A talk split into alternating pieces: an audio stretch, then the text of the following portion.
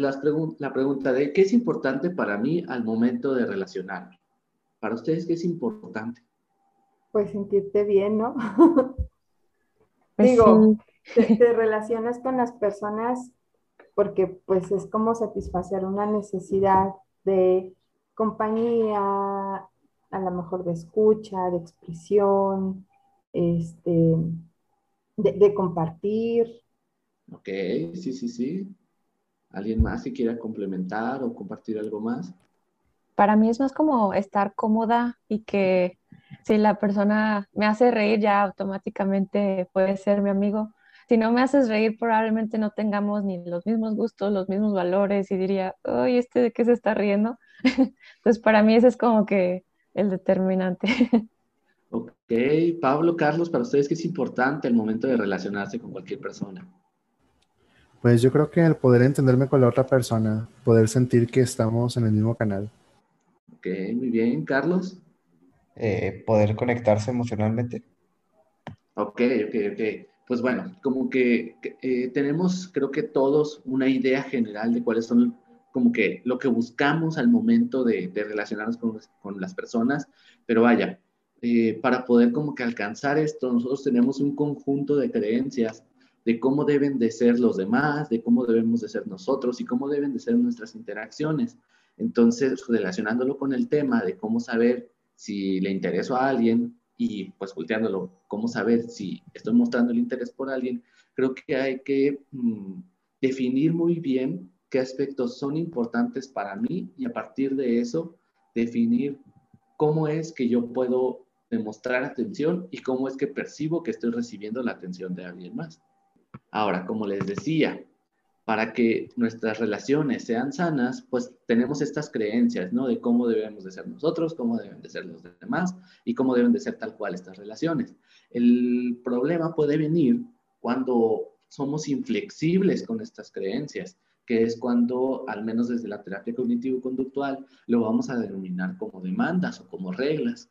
Entonces, pues, ¿qué es lo que sucede cuando una regla no se cumple? Pues hay este, algún malestar o digamos que hay consecuencias negativas. Entonces, el punto es que para tener relaciones sanas, pues lo que buscamos es tener creencias que sean flexibles y que tengan congruencia en el sentido de que yo voy a buscar lo que también puedo dar. ¿sí? Y en ese sentido también tendría que ser, ok, si yo estoy pidiendo algo, tiene que ser también de cierta manera realista y tiene que generar esta lógica de que yo, o sea, lo que yo pido está en congruencia con el ambiente en el que vivimos y con lo que las personas en general podemos llegar a pedir. Entonces, aquí viene otra pregunta. ¿Cómo me doy cuenta de que le intereso a alguien?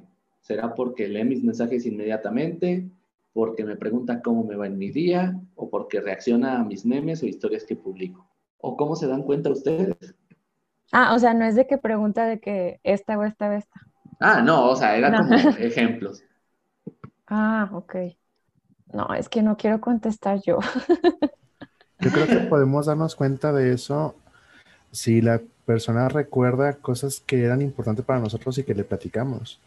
Ok, ok, ok, ok. Tú desde Pablo, ¿así es como tú te das cuenta que le interesas a alguien? Creo que sí. ¿Y solo de esa manera o hay algunos otros aspectos que, que crees que influyen ahí para darte cuenta que le interesas a alguien? No, pues si la persona busca estar en contacto, pues eso es lo principal, creo. ¿Los demás qué sí, piensan? Estoy de acuerdo, estoy de acuerdo con Pablo. Para mí también es como que, ¿por qué me está saludando todos los días? ¿Y por qué me está hablando? Y que a mis amigos pues les contesta como se les da la gana y a mí también, pero si una persona está ahí constantemente, dices, ah, está rarito. ok. Betsa, Carlos, ¿ustedes qué toman en cuenta para pensar que eh, le están interesando a alguien? Bueno, yo, este, pues sí, es esa, digamos que es como un sexto sentido que tienes cuando, cuando ves que esa persona busca como esa cercanía contigo, cuando eh, tiene un trato diferente al, al de otra persona, Em, y de alguna forma, pues sí muestra interés en, pues en, en, lo que a ti te interesa, en lo que te gusta, en, en, estar como en los mismos espacios contigo, a lo mejor te empieza a enviar mensajes o este, empieza a aparecerse como muy frecuentemente en los lugares en los que tú estás. Entonces, bueno, tenemos también esta idea general de lo que es el mostrar interés, pero a ver, ¿ustedes cómo le hacen? ¿Cómo demuestran su interés hacia una persona? y vayamos como que definiéndolo en conductas específicas. Pues yo le pregunto pues cómo se siente, cómo está, o sea, mantengo un contacto constante, uh, me preocupo por la persona, busco su bienestar y su felicidad, busco pasar tiempo con la persona. Um, y yo pues como que muestro afecto haciendo o dando cosas de que, ah, mira, te traje esto, ah, oye, me acordé de ti, vi este video, ah, mira, como que sí, de que muestro interés en ti. Si no te pelo, no, no me caes bien. ok, ok, ¿Qué otras conductas pudiéramos decir que, que muestran interés? En estos tiempos modernos, ¿no será eso de que reaccionar a los memes también muestra interés? En sus redes sociales. E, es que es lo que decía, o sea, como que buscas esa, esa cercanía de, em, eh, por ejemplo, algo así como muy característico es cuando eh, de repente te llegan notificaciones de que le dan likes a, tus fotos de hace cinco años, de hace diez años y dices, ah, eso está muy raro. Y pues también tú lo puedes hacer, ¿no? Bueno, a lo mejor como, este, cuando no quieres ser como muy obvio, pues no lo haces Pero cuando quieres ser obvio, pues le empiezas a dar like a sus fotos de hace 10 años. Ok, ok, ok, pero fíjate, ahí Petsa ya está dando como que un tema muy, muy controversial, digámoslo, porque está esta cuestión de hasta qué punto estoy mostrando interés y hasta qué punto puedo ser yo un acosador. es que ese siempre es como que la cuestión donde se hace la división. Depende si la persona te gusta, si le das pie, no le das pie. Está difícil hacer eso. Y creo que es algo que se les, se les dificulta a los hombres hacer, ¿no? Sí, yo creo, bueno, por ejemplo, en lo personal y platicando con, con amigos que viven experiencias parecidas a las mías, como que primero también está difícil entender cuando sí le interesas a alguien. Es como que, ay, ¿dónde está el límite de las cosas que puedo hacer si pienso que te intereso? Mm, tal vez es cuando hay un, ¿cómo se dice? Un back and forth, o sea, un primero yo, luego tú, luego yo, luego tú, pero si nada más soy yo, yo, yo, yo, yo, entonces ahí ya no hay un interés, supongo. Claro, pero por ejemplo, aquí viene otra pregunta, porque es, ¿qué tal si confundo la amabilidad con esta reciprocidad? A ver. no, yo creo que sí si, si, te, si, si eres un poquito abierto a ver, como decía esta eh, Fabi, das y recibes, sí te puedes dar cuenta. El problema es cuando no quieres verlo o cuando tú crees que este, a lo mejor siendo muy amable con esa persona, esa persona se va a interesar en ti. Entonces creo que este punto es como muy importante y crítico porque digo, pasa muchas veces y es donde se complica este inicio de, de, pues como querer demostrarle tu interés a alguien, porque si la otra persona, te, incluso hasta a veces te manda señales de que no quiere nada contigo, de que no está interesada, o al menos del, del, en el mismo nivel que a ti te interesa, ¿no? Porque pues también hay que hablar de esa otra parte porque pueden ser, puede una persona estar interesada en ti como amigo y te manda las señales de que, ah, pues, o sea, somos amigos. Pero si tú, pues, este, no llega bien claro el mensaje o tú piensas que eh, se puede dar una relación amorosa, y a lo mejor pues empiezas tú a mandar o a dar señales de que te, es una relación amorosa, pero no interpretas las señales que te están mandando de una forma correcta. O también puede pasar que esa persona de forma intencional te esté mandando señales confusas. Entonces, eh, pues ahí digo, se complica, pero sí es importante como tener una visión realista de lo que está pasando y que no creas que, ah, pues no, no está interesada en mí, pero, o no está interesada en mí, pero con mi amabilidad o con mi amistad o con mis regalos o con estar presente, voy a hacer que se interese en mí de la forma en que yo quiero. ¿Qué opinan los demás? Pablo, Carlos, Memo. Creo que si la persona demuestra respeto, o sea, esto sería cuando entiende cuando pone su límite, significa que pues hay más interés, porque a lo mejor puede estar tratando de ser muy amable, pero de una forma insistente, a pesar de que se marca límites y entonces ahí ya no, no pinta bien. Los demás. Incluso podemos hablar de experiencias, porque estoy segura que a todos nos ha pasado. Sí, de hecho, por ejemplo, para abrir esta, esta cuestión de las experiencias, voy a hablar de una que no es mía, pero un amigo publicó en Facebook. Él, él trabaja en una, en una barbería y me dice, eh, bueno, publicó y también me contó que fue una chica como que a entregar algo a la barbería y que eh, le dijo que le dijera algo a su jefe, al jefe de mi amigo. Y esta chica como que en un punto estuvo muy insistente en que anotara su número de teléfono. Y mi amigo como que planteaba soluciones para que no fuera necesario que anotara su número de teléfono. Y al final, pues bueno, ya, la, la chica hizo que lo anotara y, y mi amigo entró en, un, en una confusión que dijo, sí, yo ya di soluciones y no era necesario que me dieras mi teléfono, ¿por qué la insistencia? ¿Será acaso que esta chica está interesada en mí?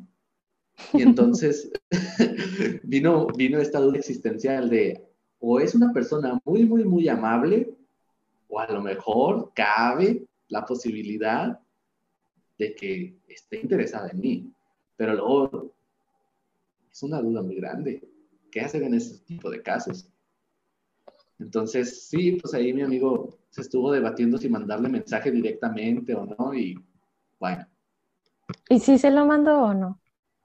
Me parece que se lo iba a mandar y después como que la buscó en Facebook o algo así y vio que tenía como que fotos con, con niños y con un hombre, entonces fue como que, ajá, no, mejor salvaguardo mi dignidad.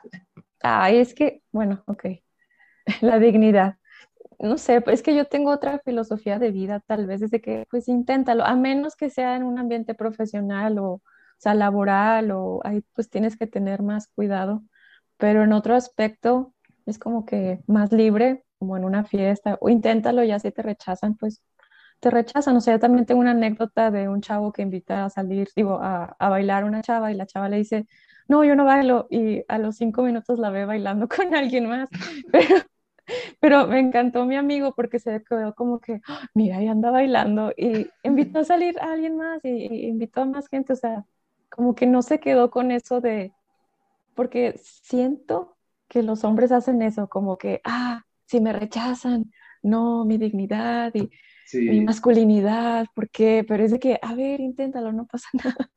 Sí, sí, sí, y tiene que ver mucho con esta cuestión de las creencias, porque, bueno, Mm, al final nosotros mismos nos vamos haciendo como que una idea de cómo deben de ser las cosas, cómo deberían de reaccionar las demás personas a las interacciones que tenemos, a las muestras de interés y entonces también cómo debo yo de reaccionar a las muestras de interés que los demás me dan. ¿sí? Y, si me definen. Ajá, sí, eso es también muy importante. ¿Qué dice de mí el hecho de que, por ejemplo, eh, sea productiva o sea eficaz la manera en la que estoy mostrando interés? o que dice de mí el hecho de que no sea eficaz. O que me rechacen, me digan que no. Y, y ahí es otro punto en donde las cosas se complican, porque por miedo al rechazo o por miedo a este sentimiento de, o sea, de, de fallar, entonces no manda señales y solamente quieres interpretar. Entonces, y ahí estás como, ah, eh, como tu amigo, ¿no? De, chin, le, hablo, no le hablo. O sea, porque él, por ejemplo, entró a la página y vio las fotos, pero no sabe si es de su esposo, de su hermano, de... Entonces, pero ya estás interpretando y ya estás haciendo como toda una historia de por qué me dio su teléfono, si es casada y tiene hijos, y ya hiciste como toda una novela cuando a lo mejor no es. Entonces, pues también es como un poquito enfrentar el miedo y como dice Fabi, pues atreverte y mandar señales claras de, oye, pues me, gustas. Y si pues estás con la mente abierta y, aprendes a detectar las señales y tú ves que a la otra persona pues no, no tiene ese mismo interés, pues bueno, ya te haces hacia atrás, ¿no? Pero sí, pues te manda una señal de que pues sí hay posibilidad, pues a lo mejor das un pasito, pero pues no te vas corriendo, o sea, es como pasito a pasito, o sea, uno aquí, uno allá, yo primero, luego ella y así vas avanzando. Sí, creo que eso es muy importante porque creo que mm, nos puede suceder de que si me interesa a alguien, como que ya nos hacemos una historia de que, o sea, como voy a interactuar buscando algo que me interese, a lo mejor esta persona me gusta físicamente o algo así, es como que ya estoy cuidando de no regarla pero a lo mejor como que pensamos que o va a ser todo o va a ser nada. Cuando esto que dice Betsa es pues lo, lo, importante, ¿no? Como que ir pasito a pasito, ir estableciendo como que ciertos avances de que, oye, ¿cómo estás? Pero todo sin, como que con un fin más allá. O sea, podemos ser amigos, podemos interactuar, pero a lo mejor nosotros en nuestra cabecita ya nos estamos haciendo la idea de que no, es que lo estoy haciendo con tal fin. Y debo de definir que esto que estoy haciendo es con tal fin. No sé si me estoy dando a entender. O... De hecho, he, visto que, mis alumnos tienen una señal, o sea, se piden el Insta. una vez, si ya se piden el Insta y se aceptan, se empiezan a seguir. Y luego, si te mando un mensaje directo, ah, ok. Pero si ya en el mensaje directo me está pidiendo mi WhatsApp, ahí sí. Entonces, si ya me habla por WhatsApp y yo, oh Dios santo, o sea, nunca, todas las señales que se dan, pero es un, dar y recibir. y con mucha protección, de hecho. Todos los filtros que se, se ponen para, ay, a ver si me, para que no me rechace, para que no me verme tan mal, pero ya si le pido el WhatsApp y le invito a salir por WhatsApp, ya había cierta, cierto consentimiento. Es lo que he visto que hacen. Pensemos en, en, esto, ¿no? En una situación hipotética donde una persona casi a lo mejor no usa Instagram, o sea, ahorita no es tan probable, pero que utilice más WhatsApp y que cuando le manden mensaje directo, o sea, oye, ten, me gusta más que me hablen por WhatsApp, y a lo mejor yo interpreto como que esto va muy rápido, ya, ya me voy a casar. Ya sé. No, o sea, pero es esta cuestión de mm, como que eh, estas reglas establecidas de cómo nos relacionamos, que como que van cambiando de generación en generación, y cómo se interpretan, ¿no? Y cada quien tiene su interpretación personal, ¿no? Sí, sí, sí. Pero aquí como, como diapositiva, o sea, al final todo esto va influyendo en cuáles son, o sea, en nuestras creencias, en lo que esperamos de los demás y en lo que esperamos en cuanto a nuestro comportamiento y nuestra interacción. Ahora me gustaría pasar a un tema muy importante que es la cuestión del interés y la responsabilidad afectiva. Ahora, ¿ustedes qué entienden por la responsabilidad afectiva? Que somos responsables de algo, que tiene que ver con emociones los demás, Pablo, Memo. Entender que nuestras acciones en un proceso de tener una relación con una persona tienen consecuencias emocionales y que tenemos que tratar de, pues, de mantener un bienestar en la medida de lo posible para ambas personas. Ok, ok, ok, muy bien, Pablo. Memo, ¿tú qué opinas? ¿Qué sabes de la responsabilidad afectiva y por qué crees que se relaciona con esto del interés? Ah, yo pienso que la responsabilidad efectiva es como hablar claro. Más que nada, tratar de hablar claro lo que quieres, lo que no quieres, para no lastimar a la otra persona, ser empático. Yo definiría en pocas palabras. Ok, ok, ok, ok. ¿Y por qué creen que se relaciona con esta cuestión del interés? Porque si no te interesa a alguien, no tienes empatía con él. A mí, por ejemplo, se me ocurre que esta cuestión de la responsabilidad afectiva y el interés Mm, podemos embonarla en el sentido de que en algún punto, por ejemplo, yo puedo estar conociendo a alguien, puedo, interés, puedo tener interés hacia esa persona, pero luego en algún punto también puede que ya no tenga tanto interés, ¿sí? Porque vi algo que no me gustó o simplemente no somos compatibles. Y luego vamos a entrar con otro concepto que es el ghosting. Es como que, ay, a lo mejor si ya no me interesaste, me desaparezco. Como que, híjole, ahí ya no está siendo responsable efectivamente porque al final la responsabilidad afectiva tiene que ver con hacerse cargo del impacto emocional y psicológico que tienen nuestras interacciones con los demás. Entonces, pues no está tan chido eso de que, bueno, si ya este, no vi que somos compatibles, bye, y me desaparezco y ya no te contesto ni nada y no te doy explicaciones. Entonces, hay que tener mucho cuidado con eso, ¿sí? Porque al final mm, hay que hacernos cargo de cómo funcionamos nosotros y el impacto que tenemos en las demás personas. Luego, cuando estaba leyendo información acerca de esto, mm, como que me entró en duda esto que también de repente nosotros como psicólogos decimos a nuestros pacientes de hazte responsable tú de lo que tú piensas, de lo que tú sientes y de lo que tú haces. Entonces, yo creo que más que nada hay que entender que, o sea, no es ni para un lado completamente ni para el otro. ¿sí? O sea, nosotros podemos como personas hacernos responsables de lo que nosotros sentimos, pensamos y hacemos, pero también mucha parte eh, tiene que ver con, con cómo nos relacionamos con los demás dependemos de la interacción con los demás y eso también va a repercutir en nosotros. Entonces, y también así como nosotros, como repercute en nosotros, nosotros repercutimos en las demás personas. Y es como que poder establecer este, este balance entre yo sé lo que hago, yo sé lo que digo y también soy consciente de lo que te puede causar a ti. Y voy a tomar la responsabilidad que a mí, que, que a mí me, me tiene que dar esto, ¿no? O sea, no, o sea, como les decía, si, si, estoy interesado en ti y después ya no tengo el interés de conocerte o lo que sea, pues mi responsabilidad sí es comunicártelo para que estemos claros. ¿sí?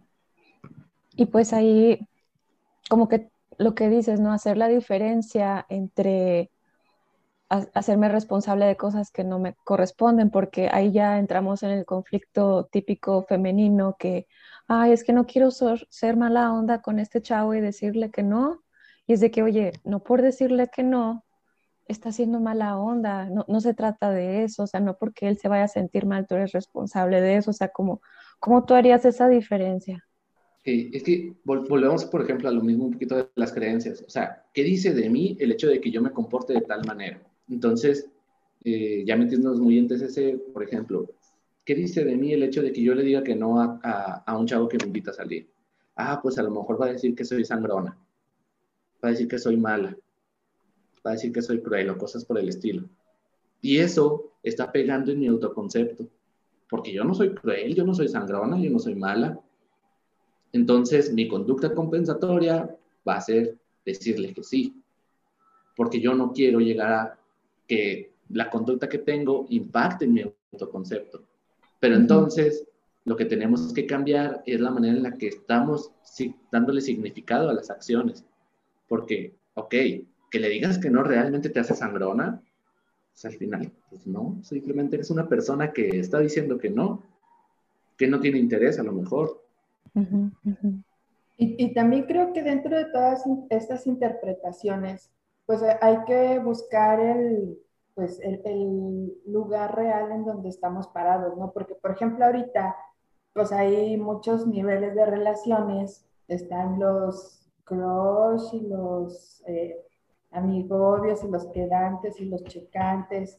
Entonces, tal vez tú, tú, puedas creer que las señales que te están mandando es para un tipo de relación y puede ser que no sea así. O sea, a lo mejor es una relación, por ejemplo, la más física, que se vale, y no es una relación que se busca como tan emocional. Entonces, si tú no te das cuenta de eso, pues también vas a salir lastimado, porque a lo mejor tú piensas que pues es una relación emocional, que van a ser novios, que van a estar juntos mucho tiempo, y a lo mejor la otra persona pues nada más eh, quiere pues algo pasajero eh, o, o, nada más este, busca algo físico, entonces pues también ahí se puede complicar.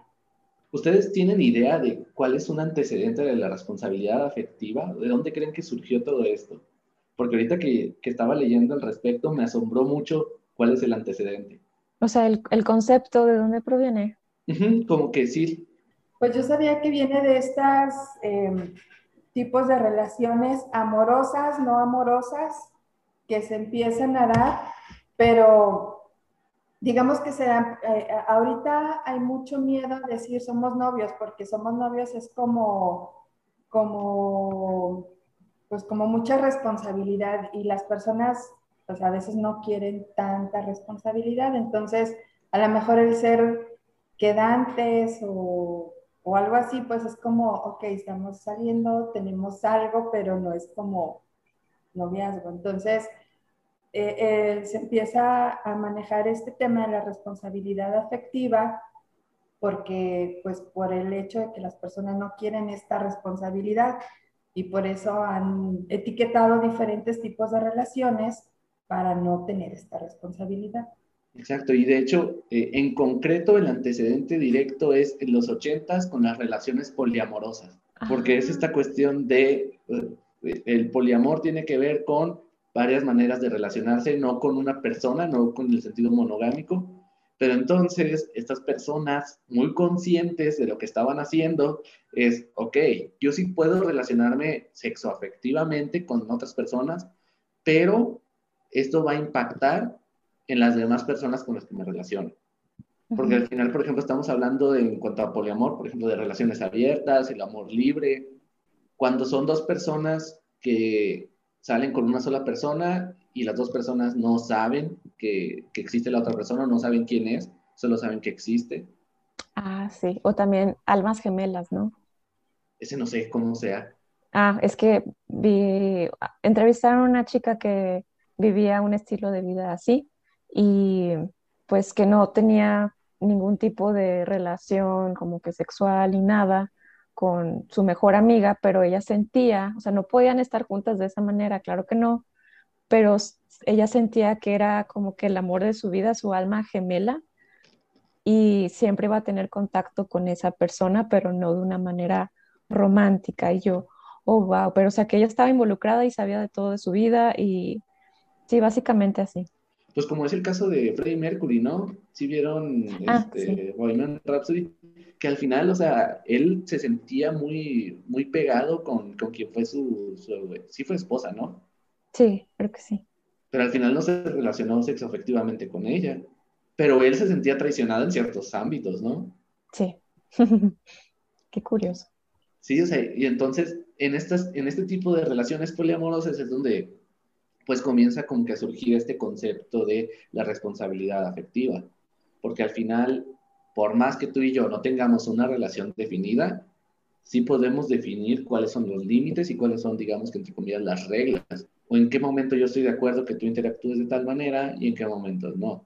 Por ejemplo, algo que también este, platico en terapia con, con pacientes es esta cuestión de cómo a veces tenemos creencias o reglas rígidas hacia cómo nos relacionamos y creemos que son no negociables, pero luego llega una experiencia relacionada a esa experiencia, sí, pues a, la regla que tenemos y, y, es cuando, ay, genera duda, ¿no? A lo mejor sí es negociable, a lo mejor no, es negociable.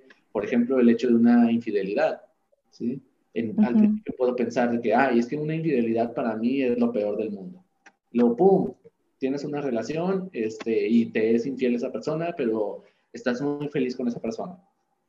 Y es cuando te cuestionas, ah, ¿esto es negociable o no es negociable? Pues es, es como hablar de las máximas de la sexualidad, ¿no? Eh, digamos que, eh, por ejemplo, cuando existe este consenso, pues, y, las dos personas que están dentro de una pareja están de acuerdo en tener este tipo de relación, y si no le está haciendo daño a nadie, no está causando un peligro, y si no hay una situación en donde eh, alguna de las personas que están en la relación pierdan su libertad, pues entonces es, está bien, ¿no? O sea, te digo, son las máximas del ejercicio de la sexualidad.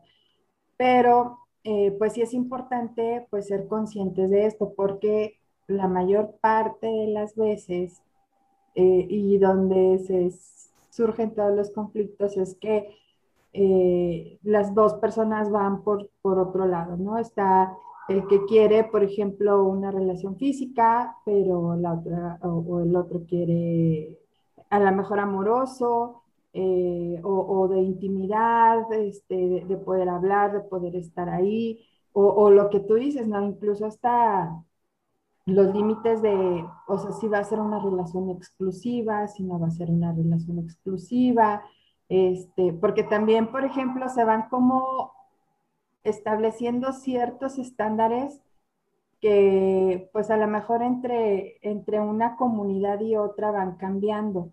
Eh, a lo mejor, por ejemplo, con los chavos del TEC puede ser de, ah, es que si somos checantes, no podemos, podemos hablar con alguien más, pero si somos quedantes, ya no podemos hablar con alguien más.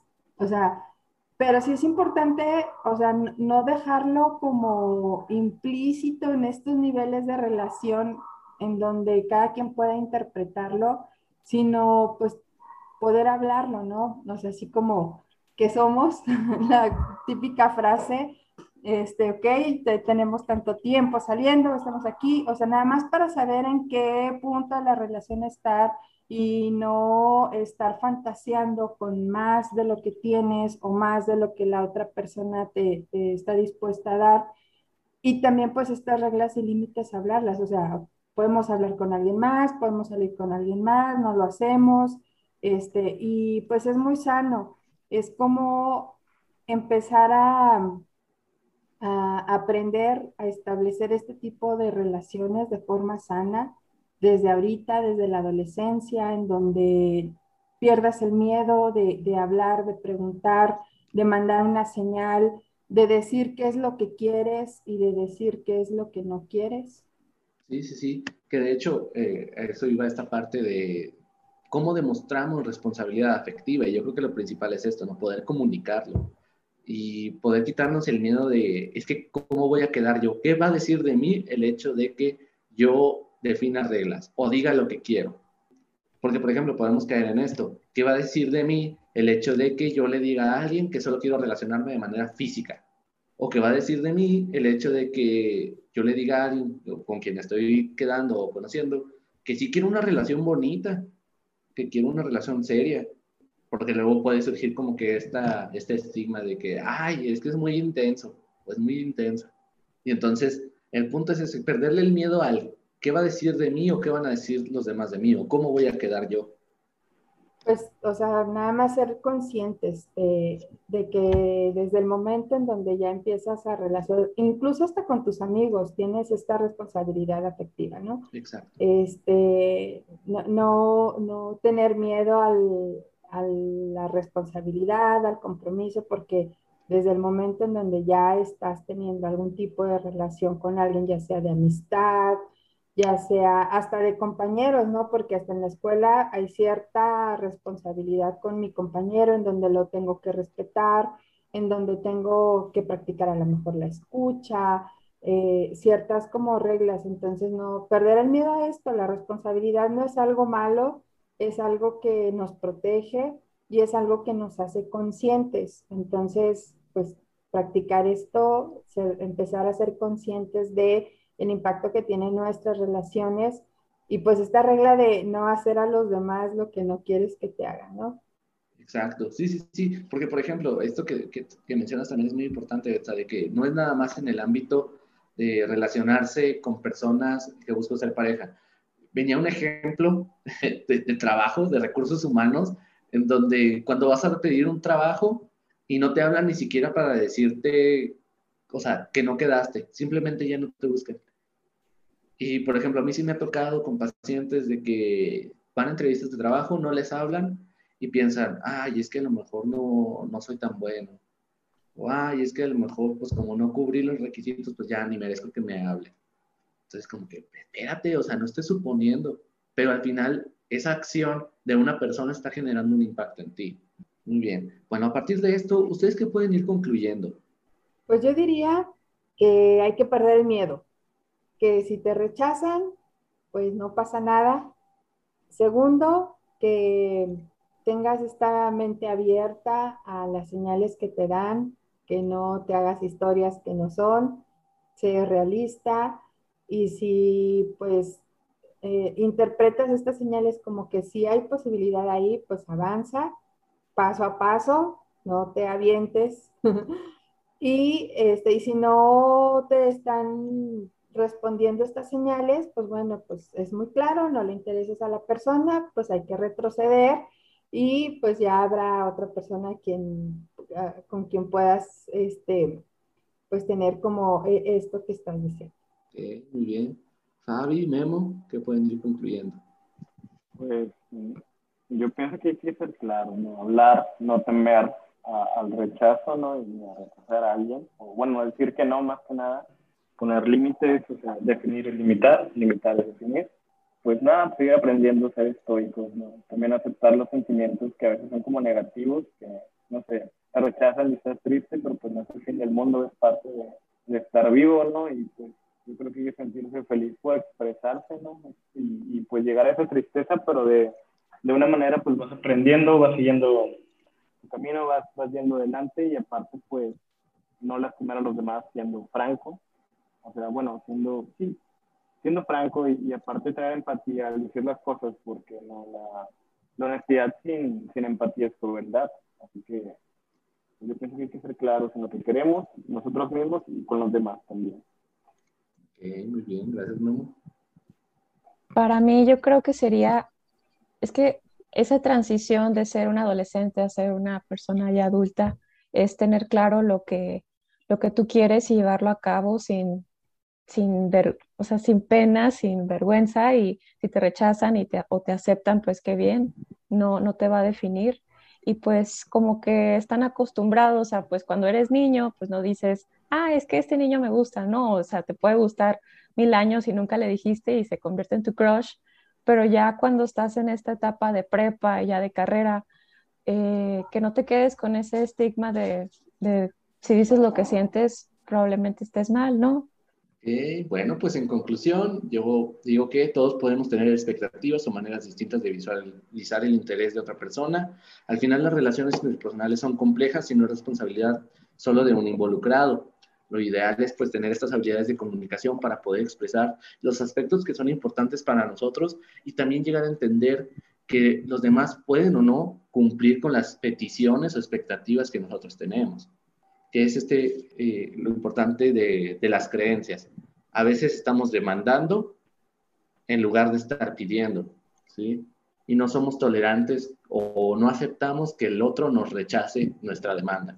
Entonces yo creo que lo importante es flexibilizarnos en ese sentido, saber que los demás tienen su individualidad y que pueden estar de acuerdo con nosotros o no. Y pues bueno, no, no podemos eh, obligarlos a que cumplan con lo que nosotros queremos. Entonces, pues, eso fue el tema de hoy. ¿Cómo saber si le interesas? Si le intereso. Entonces, yo soy Alonso García de Bienestar y Consejería. Muchas gracias por su participación a todos y pues nos vemos el próximo miércoles. Bye.